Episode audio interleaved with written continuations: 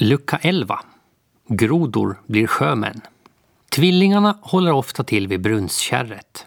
Där tittar de på grodor och grodyngel, grodornas bebisar. Grodynglen är som svarta små droppar som ivrigt simmar omkring överallt. Grodorna kväkar och hoppar. När mamma har bakat hemvete brukar hon sätta ner degtråget, alltså lådan av trä där degen har jäst, i vattnet för att få det rent. Först är det svart av grodyngel på tråget när alla pyttesmå grodyngel tuggar i sig degresterna. Efter ett par timmar har det blivit rent igen och alla grodyngel simmar vidare, mätta och belåtna efter all deg de stoppat i sig. Vi får bara hoppas att de inte får ont i magen och blir prutsjuka efteråt. Det skulle just se roligt ut i vattnet med en massa små bubblor överallt.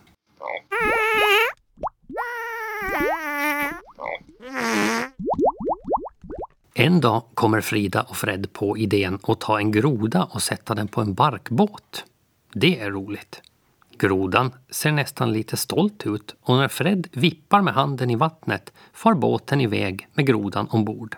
Det är så tvillingarnas sjömanstävlingar med grodor börjar. Det har många denna sommar. Först karvar de ut varsin båt av virke eller bark de hittat på stranden. När båtarna är klara väljer de ut en groda, inte för liten och inte för stor, och sätter den på båten. Så vippar de med händerna i vattnet bakom farkosten för att få den över till andra sidan kärret. Konstigt nog brukar grodorna sitta kvar och se ut och njuta av färden. Groda, skynda dig! väser Frida och vippar med händerna i vattnet. Min sjöman är snabbare, den vinner, ropar Fred och hjälper till med fötterna också för att få till det snabbaste svallet. Det sjunger lite på en passande sång. En sjöman älskar havets våg. Det gillar grodorna, det syns tydligt. Denna gång vinner Fred, nästa gång Frida.